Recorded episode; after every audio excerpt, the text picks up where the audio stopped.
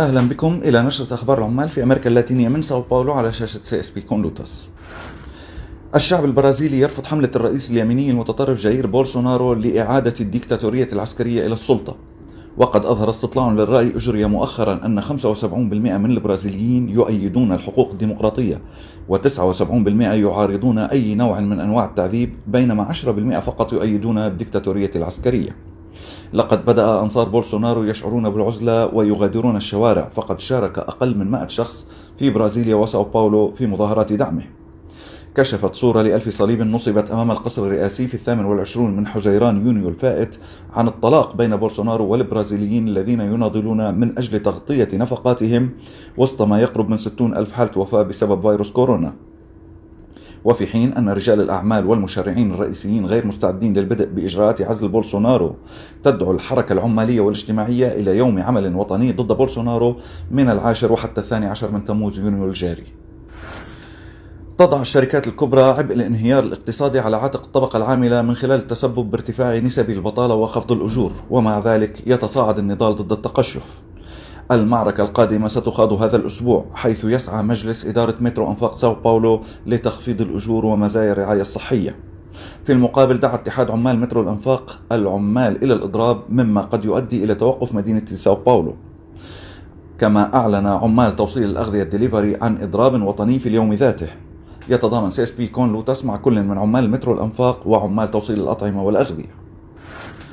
قامت سلطات دولة الأورغواي بترحيل المعتقل السياسي الأرجنتيني سيباستيان روميرو إلى بلاده في الخامس والعشرون من حزيران يونيو الفائت. والآن يضغط أنصاره والعديد من منظمات حقوق الإنسان على الرئيس الأرجنتيني ألبرتو فرنانديز والمحاكم لإطلاق سراح سيباستيان روميرو.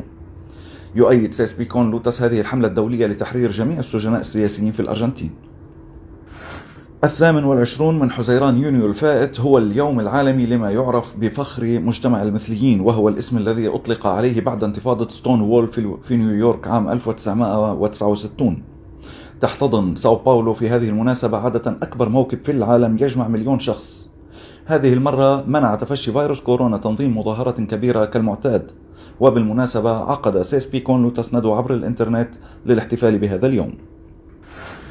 أظهرت عدة ندوات وبيانات عبر الإنترنت أن البرازيليين يعارضون ضم الأراضي الفلسطينية في الضفة الغربية.